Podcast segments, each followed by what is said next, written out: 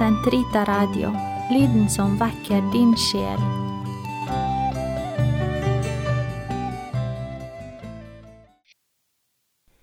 I dagens episode av Karmels hage sänder vi tredje del av samtalen med Hans eminense kardinal Anders Arborelius, OCD, biskop i Stockholms katolske bispedöme.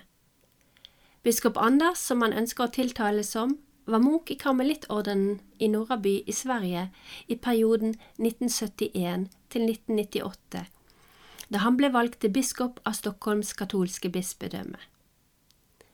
Han har vært en kär trett og foredragsholder også etter at han ble kreert til kardinal 28. juni 2017.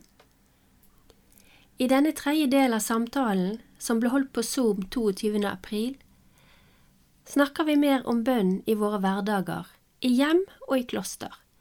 Vi får også vite litt mer om hvorfor en hage og naturen er så viktig i det åndelige livet. Igjen ønsker vi biskop Anders varmt velkommen til programmet Karmels hage. Tack så mycket. Og nå har du snakket eh, biskopen litt om Karmel, og kanskje noen av lyttere lurer litt på hva som er spesielt med et liv som munk, hvordan hverdagen er, hvordan organiseres bønn, eh, arbeid. Kan du ta oss litt igjennom en typisk hverdag? Ja, eh, alltså det börjar ju då på morgonen med eh, tidebönen, laudes. Och i Norraby hade vi alltid klockan sex laudes. Det är den första av kyrkans tideböner som sen följer under dagen. Och efter det hade vi en timmes tyst bön. Och jag tror det är väldigt viktigt att man börjar dagen i bön. Det är inte alla som kan be en timme, man kanske bara har några, men att man verkligen medvetet ger sin dag till Gud. För då är chansen större att man blir kvar i Guds närvaro under resten av dagen. Och ibland kanske man bara hinner göra ett korstecken och säga jag offrar min dag till dig här. Men då har man alltså tagit det här medvetna steget. Och sen kan man då försöka bli kvar i denna närvaro. För sen händer det ju mycket. Man måste tvätta sig, borsta tänderna, äta frukost. Och sen måste man då ofta iväg. I klostret är man ju kvar. Och jag brukar ibland säga, ibland var jag lite avundsjuk för de som skulle resa till jobbet. För då hade de ju en väldigt fin möjlighet att be. Åker man buss eller tunnelbana kan man be för alla dessa människor där. Men i klostret brukade det vara så att man på förmiddagen hade mer, vad ska vi säga, någon form av andlig läsning, intellektuellt arbete. Både Wilfrid skrev sina böcker, andra skrev predikningar, andlig läsning, alltså i tysthet i cellen. Och det är naturligtvis svårt i ett jäktigt liv att finna en sån tid. Sen kommer också det praktiska arbetet, någon lagar mat. Eftermiddagarna arbetar man ofta i trädgården. Men inför varje viktig eh, skifte av arbete så har man ju då en tidebön. Middagsbönen före lunch. Och sedan på kvällen vesper som då följdes av inre bön och mässa. Och sen efter kvällsmaten en stilla tid på cellen, kompletorium, den sista tidebön. Så man kan säga att tidebönerna ger ju en viss eh, disciplin. Eh, de kommer in under dagens lopp. Och det ser vi att i vår tid är det många lekmän som också vill be tidebönerna. Har man inte möjlighet att be tidebönerna kan man ju be angelusbönen tre gånger per dag. Det är också en klassisk sak att klockan sex på morgonen, tolv på dagen och sex på kvällen ringde klockorna i kyrkorna. Alla blev stilla och bad angelus. Man kan be en dekad av rosenkransen lite då och då under dagen. Så att man hittar någon form av, vad ska vi kalla det, dagordning eller disciplin. För jag tror att vi behöver någonting att hålla oss till, annars är det väldigt lätt att allt rinner ut i sand. Det ska jag bara lägga till att eh, Sankt Rita Radio ber ju tidebønnene eh, hver dag. Ja. Om noen ikke har tid å sitte ned med tidebønnene, så kan de lytte til tidebønnene òg. Det er jo også en mulighet på vei til jobb, Ja, visst. hjem fra jobb, eller at man kan også være med på den måten eh, hvis man ikke klarer eh, Så det var bare en liten sånn reklame for Sankt Ritas. eh, ja, men det är bra att ni ritar, sprider också. Ja. Nej, men eh, man får liksom hitta de här möjligheterna i sin egen livssituation. Mhm. Naturligtvis kan man säga att det är lättare på ett sätt i ett kloster för där är allt väldigt reglerat. Men också bröderna i alla fall skickas ut lite då och då för att hålla reträtter och föredrag och vad vet jag.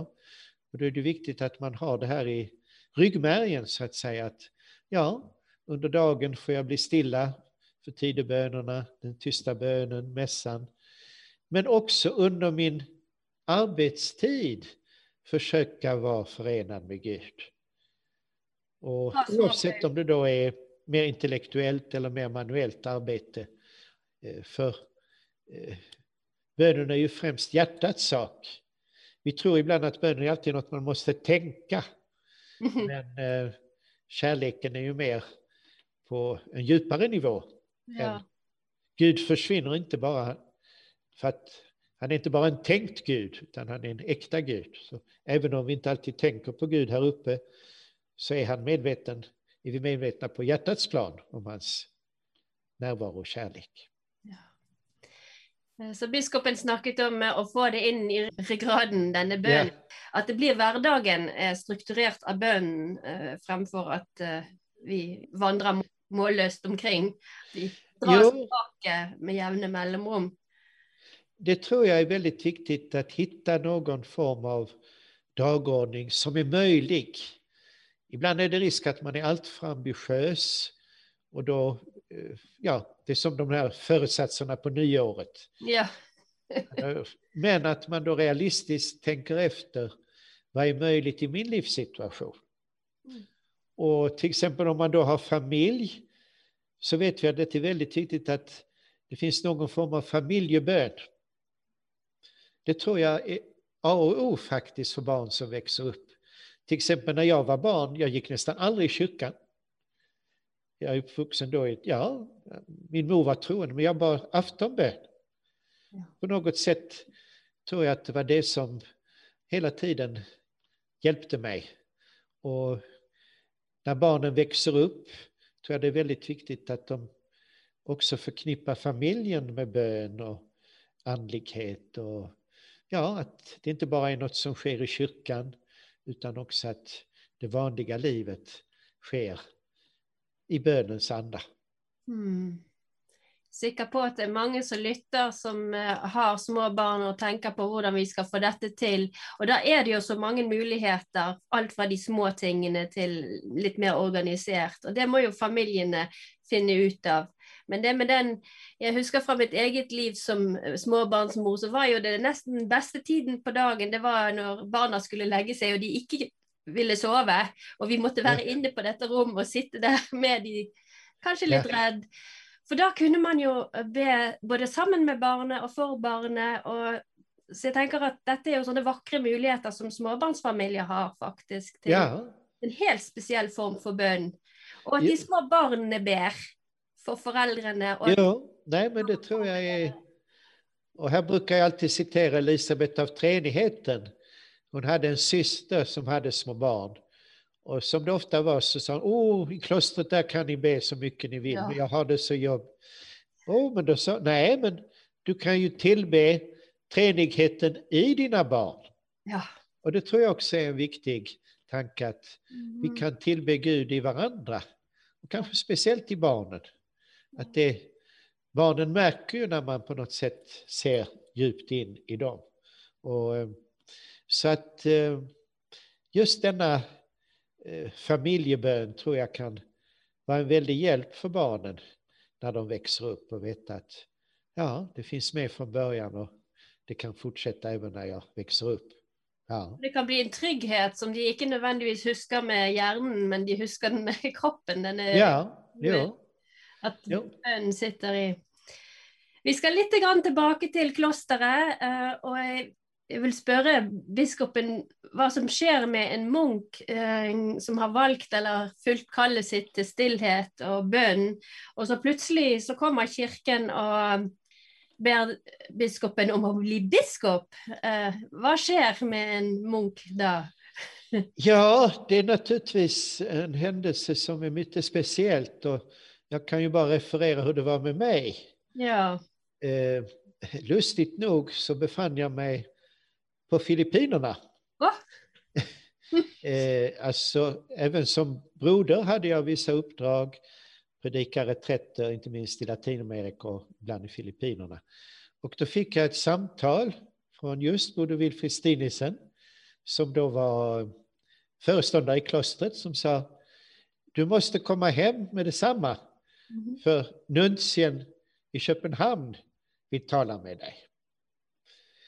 Och eh, han sa inte varför, men då visste jag ju att eh, eh, biskop Brandenburg skulle pensioneras. Så jag förstod att det var något i görningen. Och, och eh, så brukar jag säga, då fick jag, fick jag faktiskt en sömnlös natt.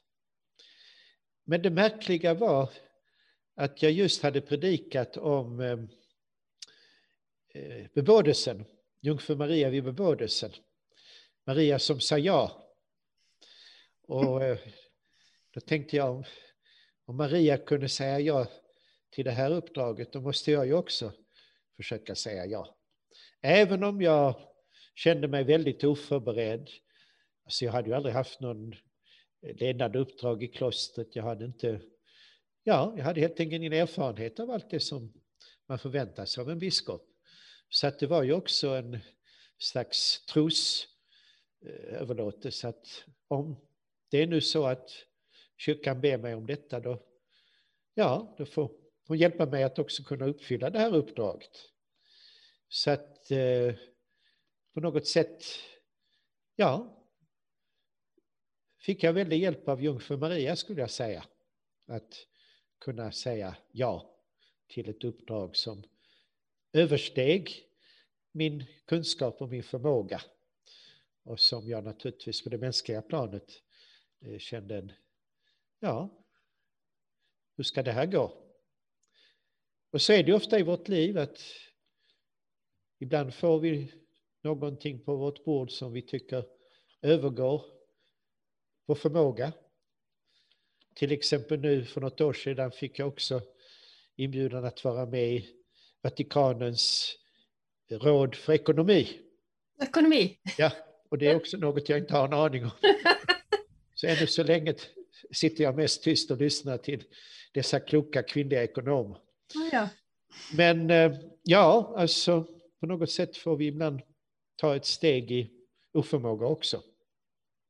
Och stole på att Gud har... Jo, det tror jag. Och naturligtvis när man går i ett kloster så vill man ju göra Guds vilja.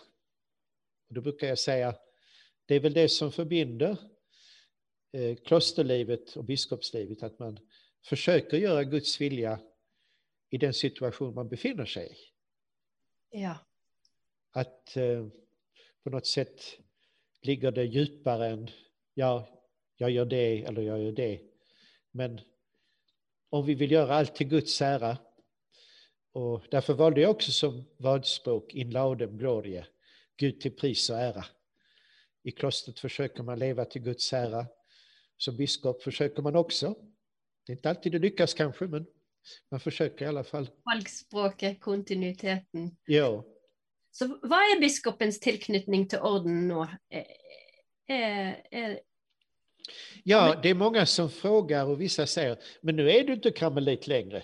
Men då blir jag lite arg på dem. Och, eh, nej, jag, jag grälar inte på dem, jag ska Nej. förklara ordentligt. Alltså som biskop förblir man medlem av den orden. Men man har då inte eh, vissa förpliktelser. Alltså man eh, behöver då inte be om tillstånd, man får själv så att säga styra ekonomi och sådant. Och man kan då heller inte eh, rösta inom orden. Man är så att säga, ja vad ska vi säga, hedersmedlem i Mhm. orden. Eh, och på något sätt eh, är det för mig alltid väldigt fint när man har möjlighet att vara tillbaka någon gång i klostret. Så jag försöker regelbundet besöka mitt gamla kloster ja, nästan varje månad också för att gå till bikt och få lite andlig eh, inspiration. Mm. Och eh, ja, sen har jag då fått inbjudan till karmeliter lite här och var i världen. Och det är också speciellt intressant att få möta andra biskopar som är karmeliter. Och de finnes, ja. Det gör det. Mange? Är det många av de, tror du? Eh, Det är ett 20-tal i alla fall. Ja. Mhm. Så det är några och till exempel för några år sedan fick jag besök av en eh, karmelit som är biskop på Madagaskar. Mhm. Och eh, han inbjöd mig sedan till Madagaskar. Och det lustiga är att i den delen av Madagaskar där han är biskop har den norska lutherska kyrkan missionerat. Så han kände många eh, norska lutheraner som hade arbetat i Madagaskar. Så ibland är världen liten. Ja. Ja. Och häromåret fick jag besök av en annan. Det var en biskop från Australien som var kines, som också var karmelit. Och en annan har jag besökt som, ja det var innan han blev biskop, han är karmelit och biskop i Malawi. Så att man kan säga att det är oftast i länder där kyrkan är under uppbyggnad som man har då av någon anledning valt karmeliter. Så man kanske inte har så många präster att välja på. Mhm. Annars finns det inte många i, i Europa till exempel, väldigt få Mm. karmeliter som är biskopar, utan det är mest i Afrika, Asien, Latinamerika. Så da tenker biskopen at det, em, det er Gud som kaller. Og hva tror da biskopen at Gud så i din bakgrunn som karmelitt, som skulle være viktig for kirken i Sverige? Eh, Ja, det är, är svårt att veta när Ja. det gäller en själv. ja. Men eh, ser vi på kyrkans historia är det ju inte så ovanligt att man har kallat munkar och ortodoxa kyrkan är det ju egentligen bara munkar som blir biskopar Mhm. i östkyrkan. Mhm. Och eh, också i västkyrkan har det ju, i vår tid har jag också en känsla av att det blir mer och mer ordensfolk. Det kan ju bero också på att det är brist på stiftspräster i många länder. Eh, Sen kan det väl också vara det att eh, man eh, ser att behovet av just andlighet, spiritualitet är stort i inte minst en sekulär omgivning som Nordeuropa. Här har vi ju haft flera biskopar som kommer från klostren, både i Danmark och Norge. Vi har noen i Norge, ja. Ja, så att, eh, ja, det kan ligga lite också på det planet. Det är svårt att veta naturligtvis, men, men eh, det är alltså inte, inte så ovanligt som man skulle tro. Nei. Utan det finns eh, lite varstans då. Också trappister, benediktiner. Eh, kartusianer vet jag däremot inte om det finns några biskopar. Men, men ja, kanske det finns. Ja. Kanskje vi må undersøke det en gang, ja. Sen är det viktigt att man kommer ihåg att karmelitbröderna är ju inte munkar. Nei. Ok. Och det är något som inte är så lätt att förklara för många människor. För många säger att alla ordensbröder är munkar, också jesuiterna, men så är det ju inte. Utan det finns olika delar inom ordenslivet.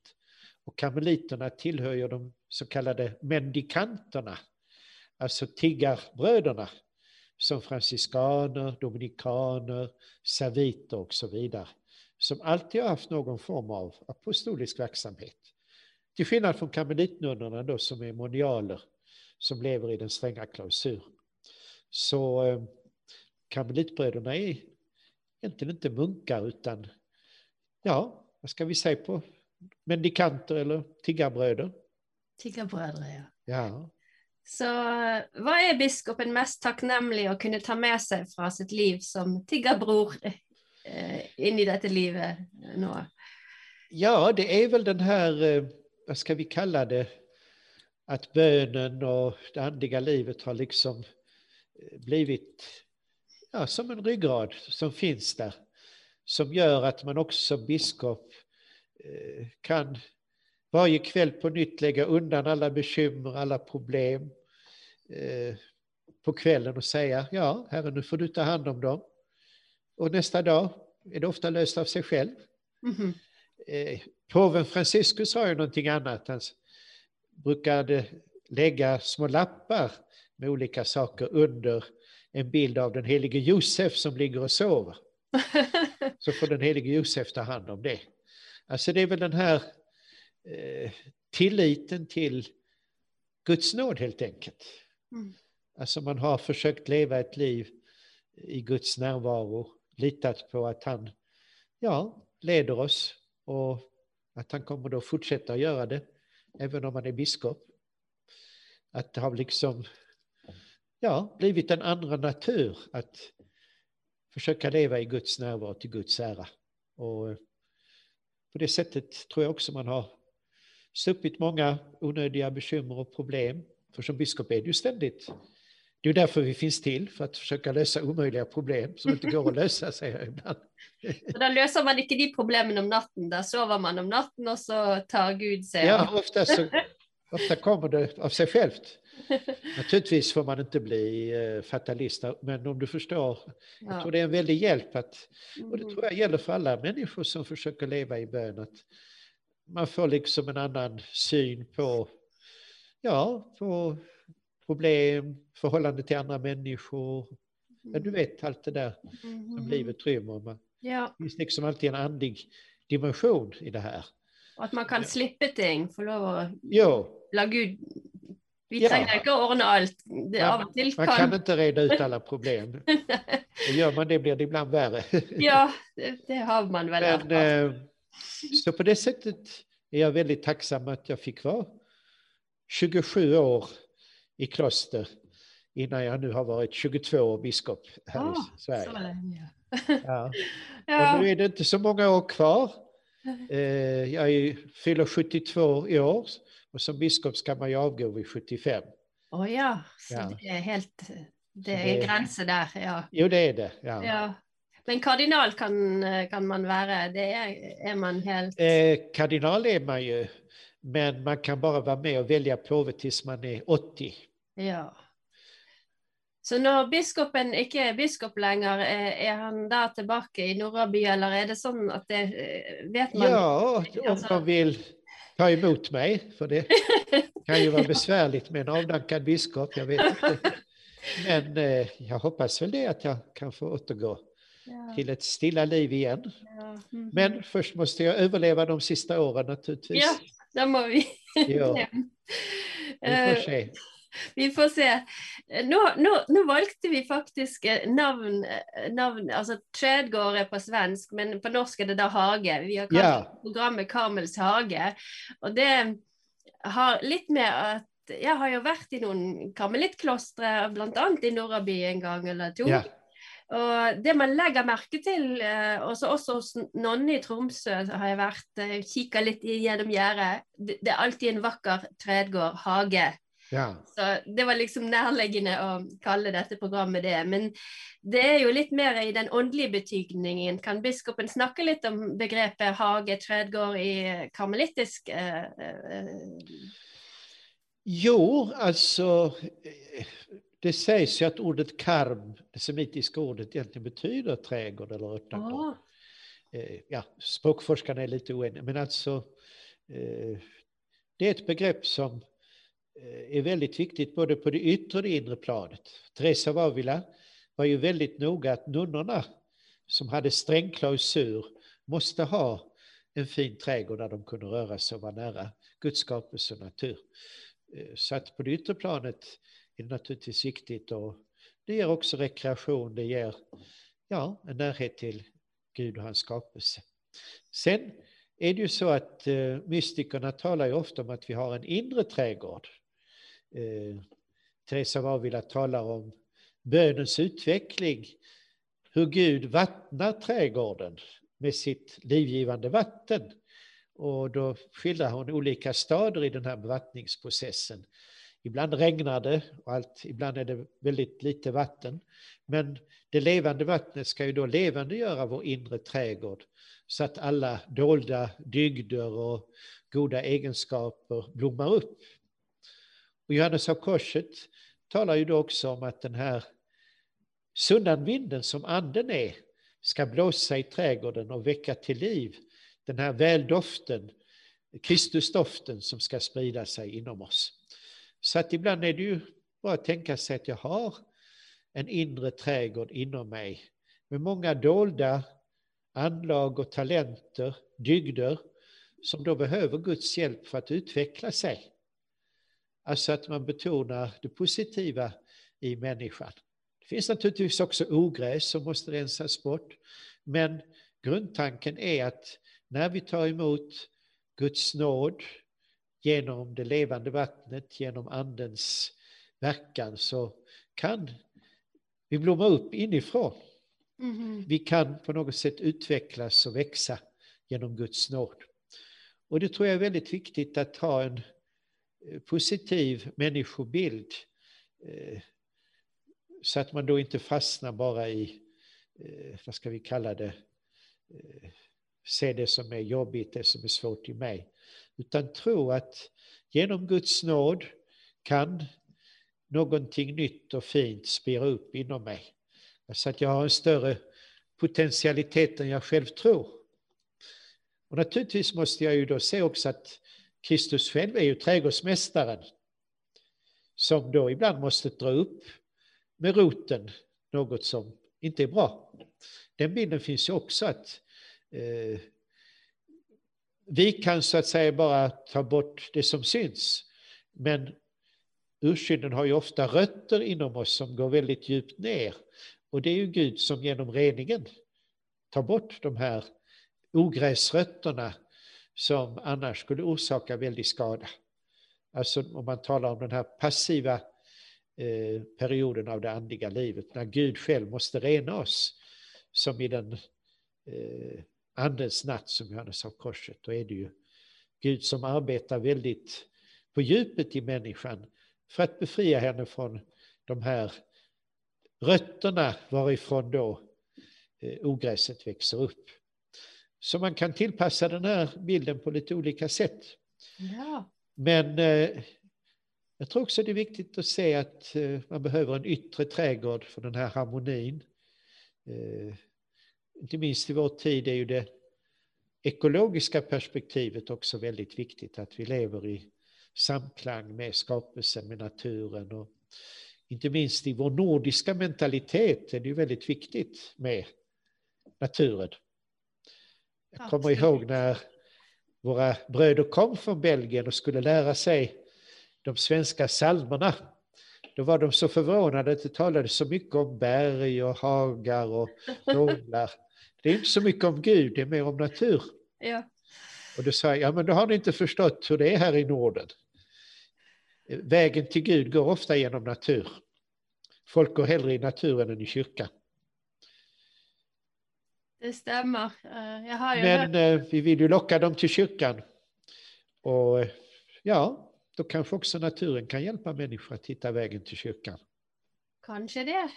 Jag, jag själv har nog en sån väg då, med, med naturen och att det kom för min kristna tro. Så ja. för mig är det i alla fall ser att det är en möjlighet i alla fall. Att man öppnar sig via natur. Det är det och ja. det tror jag är en viktig uppgift för kyrkan i våra länder att hjälpa människor att ta steget in i kyrkan. Att inte... Och när man överväldas av det vackra, det som är så vackert, och ser att det inte är människor som har skapat detta här. Nej. Så det är många vägar in i kyrkan tror jag. Ja, jo, se att det finns också en inre trädgård. Ja. ja, se det hela sammanhanget. Eh, det tror jag är viktigt för människor att förstå. Du har nå hørt tredje del av samtalen med biskop Anders Arborelius. Om du ikke har hørt de to første episodene, kan du finne dem på Sankt Rita Radios hjemmeside som podkast. Neste torsdag sender vi fjerde og siste del. Her vil vi høre hva han kan fortelle om jomfru Maria, den hellige Josef og den vanskelige lydigheten. Varmt velkommen tilbake til Karmels hage neste torsdag.